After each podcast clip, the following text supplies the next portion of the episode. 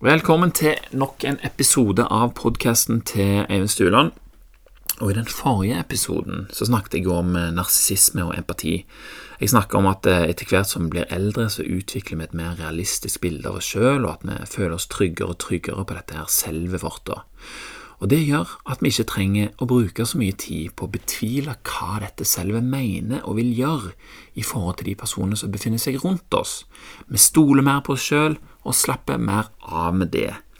Bruker vi mye tid på å tvile på selvet vårt og justere oss etter det som skjer rundt oss, så krever det faktisk ganske mye energi og kapasitet. Og i denne her, denne nydelige boka som vi holder på å lese, Laws of Human Nature, så står det at vi utover i 20-årene ofte utvikler et bedre forhold til dette her selve automatisk, og at det da ikke lenger krever så mye justering basert på det eksterne. Den personen du er utad, handler og oppfører seg mer i tråd med det som kommer fra innsida. De er mer enige, de to. De bryr seg ikke lenger så mye om hva andre syns om det de finner på sammen.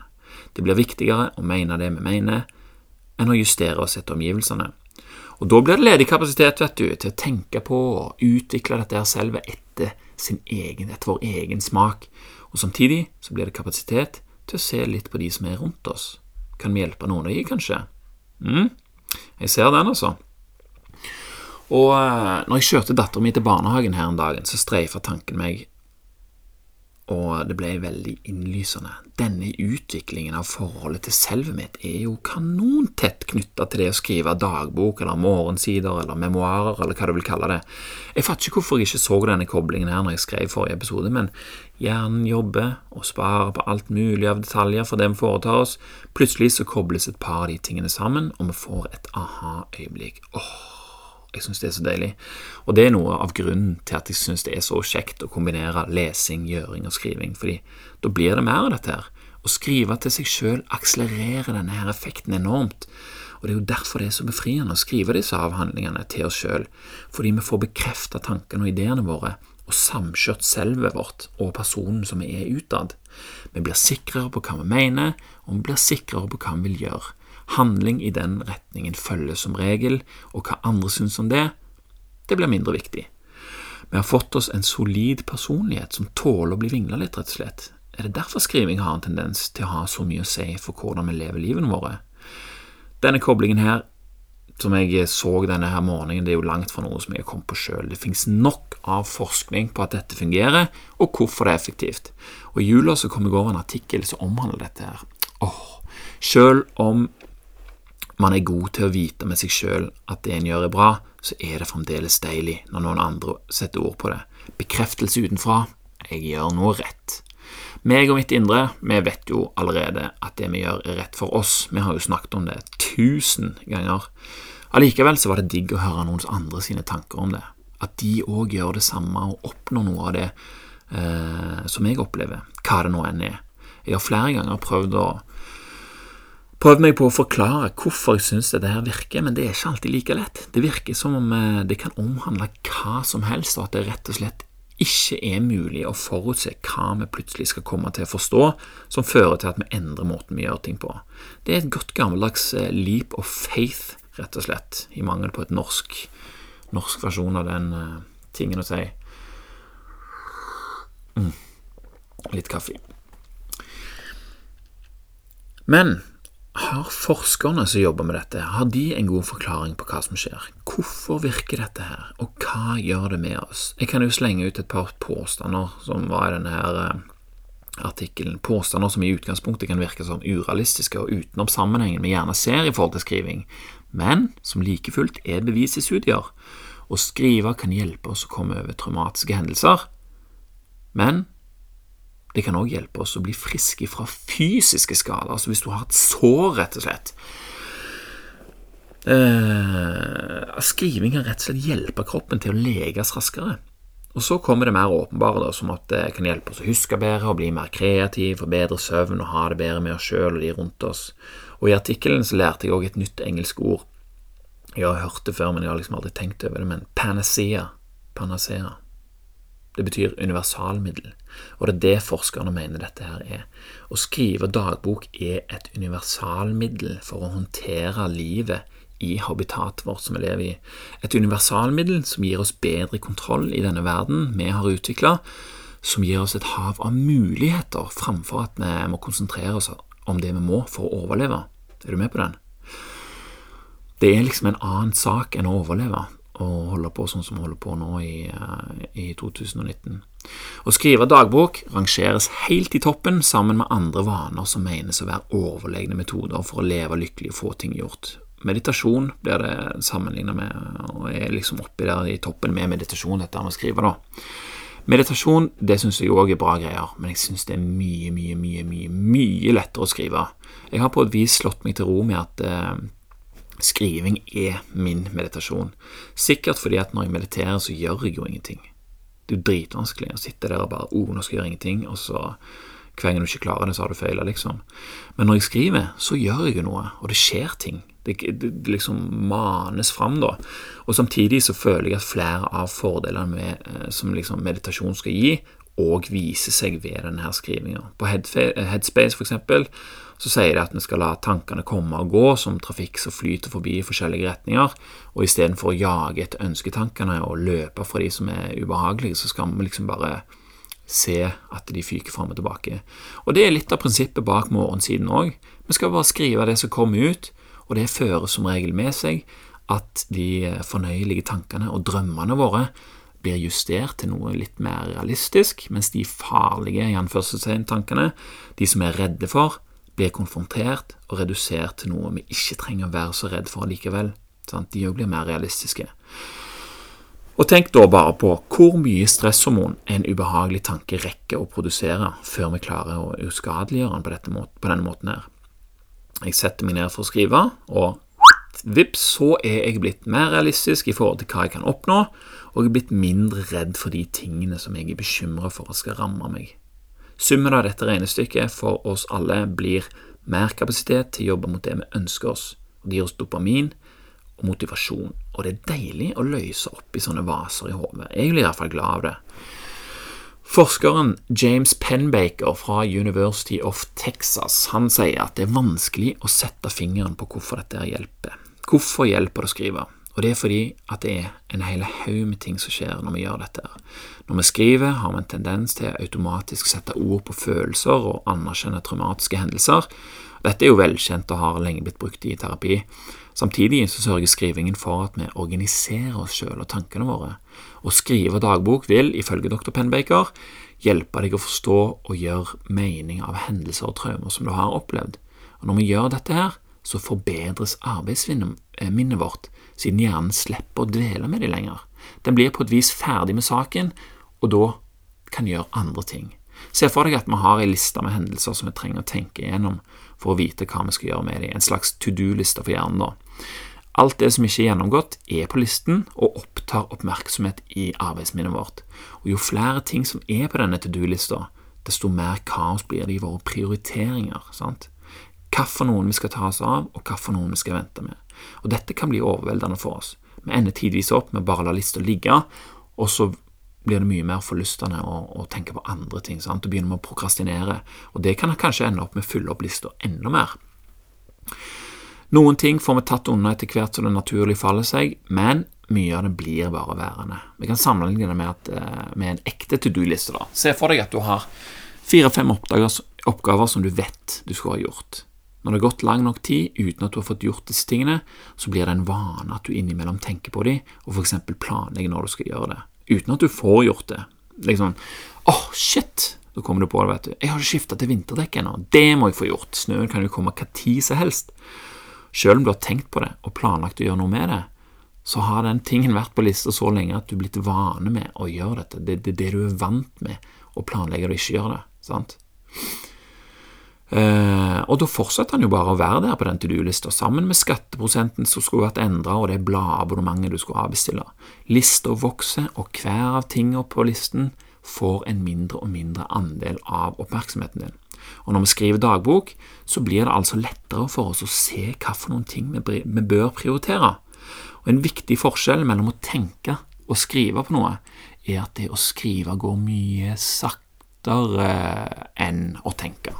En tanke den kan forsvinne raskt, men en setning vi skal skrive, den gir oss faktisk nok tid til å komme på nok en setning om samme tema mens vi skriver den forrige, og da kan vi hoppe rett videre på den, og kanskje når vi skriver den, så kommer det kanskje til og med et spørsmål som vi da òg ender opp med å skrive, og som vi da òg får tid til å tenke oss om og, og klare å komme opp med et godt svar på. Det gjør at vi kan holde på dette her temaet, disse tankene rundt det vi, vi, tenker på, lenge nok til at vi finner løsninger som gjør det lettere å prioritere det vi har funnet ut. Og det er òg da vi finner på kommer på flere alternativer til hva vi kan komme på, istedenfor å gå for det første og beste, som jeg har snakket om tidligere. Sånn var det for meg i går, når jeg tenkte at jeg hadde så mye å gjøre at jeg fikk lyst til å sove frampå istedenfor å stå opp og skrive. Jeg våkner om morgenen og bare sånn åh, jeg, åh, jeg kjente bare tankene svirre rundt oppi der, og det ble liksom overveldende. Men når jeg allikevel sto opp og satte meg ned, så viste det seg at det var jo ikke så mye allikevel. Det bare føltes sånn fordi gjøremålene var uorganiserte. Sant? De spratt fram og tilbake der, plang, plang, plang, plang, plang, plang, istedenfor liksom være én, to, tre. Så jeg bestemte meg da for tre ting som jeg skulle gjøre. Jeg skulle henge opp noen fenalår på loftet, jeg skulle fikse en lekkasje i hønsehuset, og jeg skulle ringe begge foreldrene mine.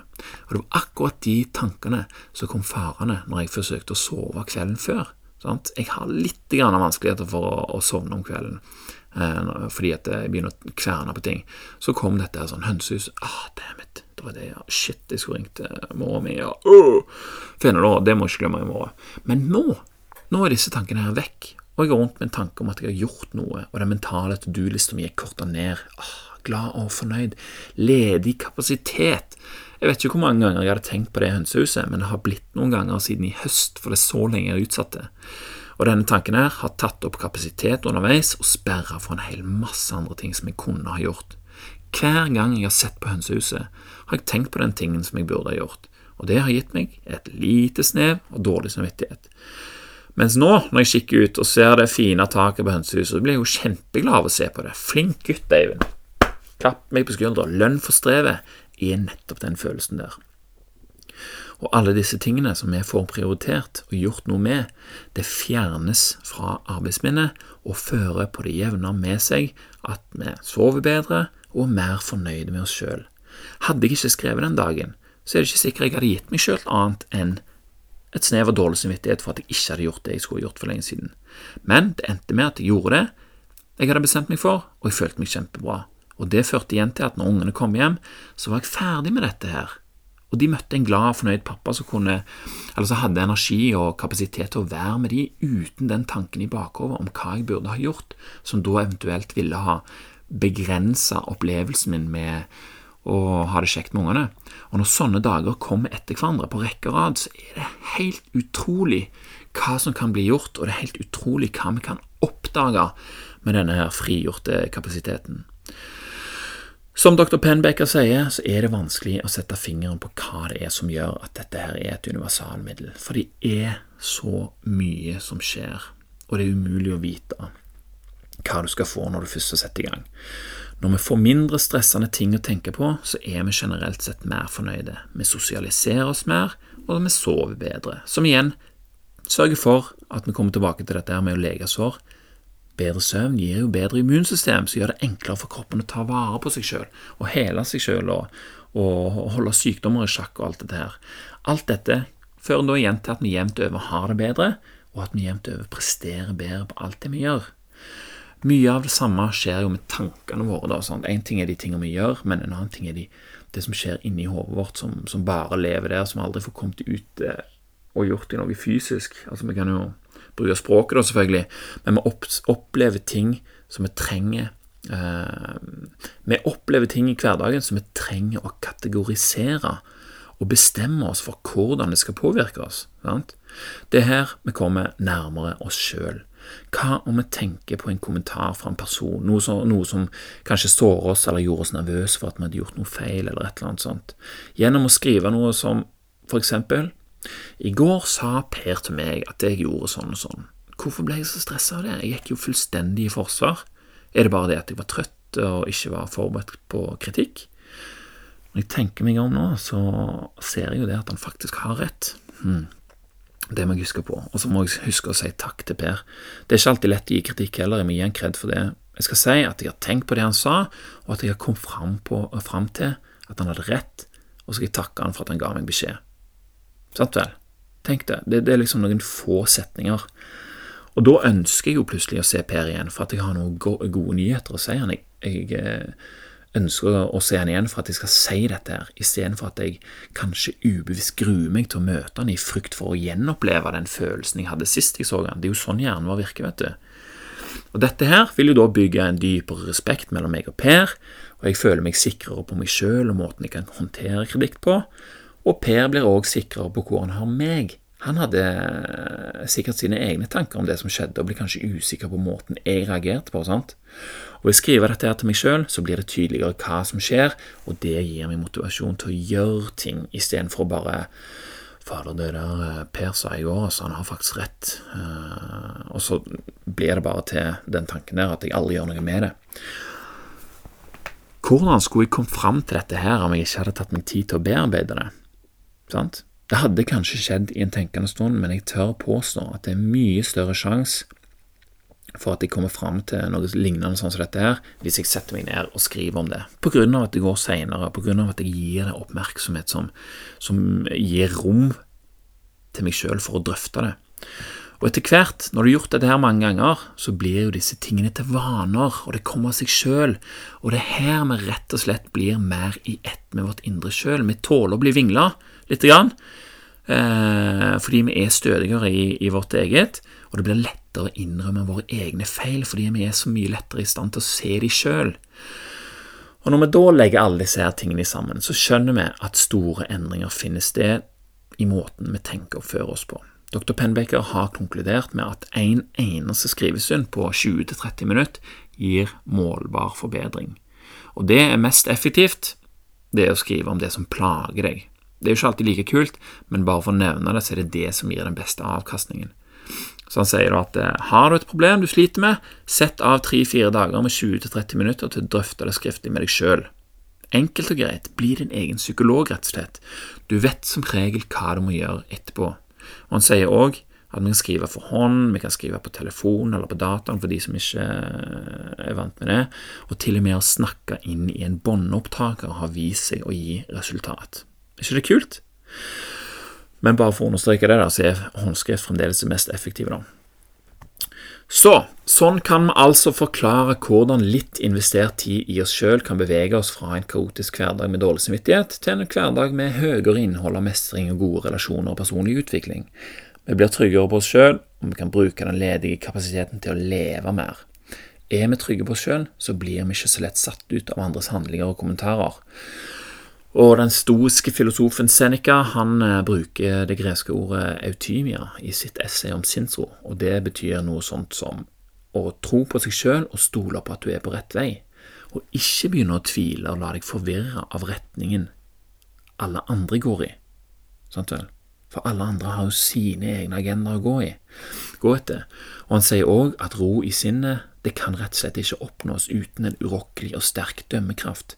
Uten denne dømmekraften så vil vi tenke fram og tilbake om ting hele veien, uten å kunne falle til ro ved hjelp av våre egne tanker. Ingenting vil være klart for oss når vi kun stoler på det mest usikre av guider, den generelle meningen i samfunnet vi lever i. Sant vel? Og dette var jo skrevet for 2000 år siden, og er jo bare enda mer aktuelt i dag, siden de generelle meningene i samfunnet kan jo omhandle alt fra bloggere til terrorisme og bitcoin og ja, gud vet hva. Om det skal være lov og 16-årsgrense på smarttelefoner og alt mulig, som for så vidt er et veldig interessant tema. Men jeg kan ikke annet enn å si meg enig i det forfatteren av artikkelen konkluderer med. Jeg vet ikke hvordan Morning Pages hjalp meg med alle disse endringene i livet mitt. Kanskje det er sånn som dr. Penbaker foreslår, skrivingen lot meg renske opp i noe av angsten min, som igjen førte til at jeg sov bedre, og som igjen fører til at jeg har mer energi til å fullføre oppgavene mine. Jeg har uten tvil blitt bedre kjent med de nedstøvende delene av hjernen min, og når jeg gjorde det, så ble mine egne ønsker vanskeligere å ignorere. Man gidder bare å skrive om en ting så og så mange ganger før en begynner å gjøre noe med det. Så for de som er fremdeles er i tvil, så anbefaler jeg altså å sette seg ned og skrive litt til seg sjøl. Det er alltid spennende å se hva som kommer ut av det. Så hvis du ikke har prøvd det ennå, så prøv det, da. Prøv det bare én gang i ti minutter og se hva som skjer. Så får vi se hva som kommer ut av det. Og med det så vil jeg si takk for i dag, og takk for nå, og ha ei fin helg og alt det der. Så snakkes vi neste gang.